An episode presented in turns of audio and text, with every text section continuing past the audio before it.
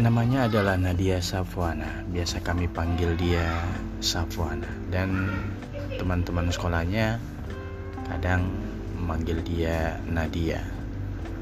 Dia anak perempuanku lahir tahun 2010 lalu. Tepatnya 27 Oktober. Saat ini usianya sudah menginjak 11 tahun. Dia duduk di kelas 5 SD.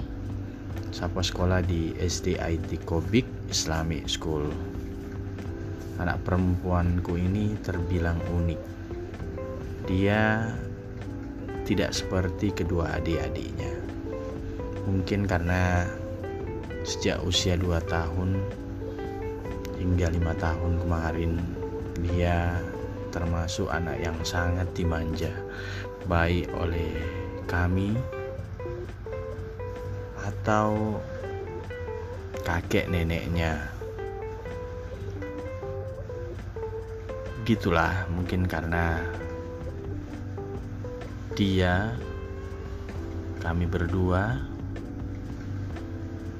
tumbuh dan membesarkan dia sebagai seorang anak di tengah keluarga besar kami. Sapwa tumbuh sebagai anak yang manja, anak yang permintaannya selalu dituruti oleh ayah ibunya. Karena itulah, terkadang dia menjadi anak yang cukup malas, malas untuk belajar. Dia pinginnya bermain atau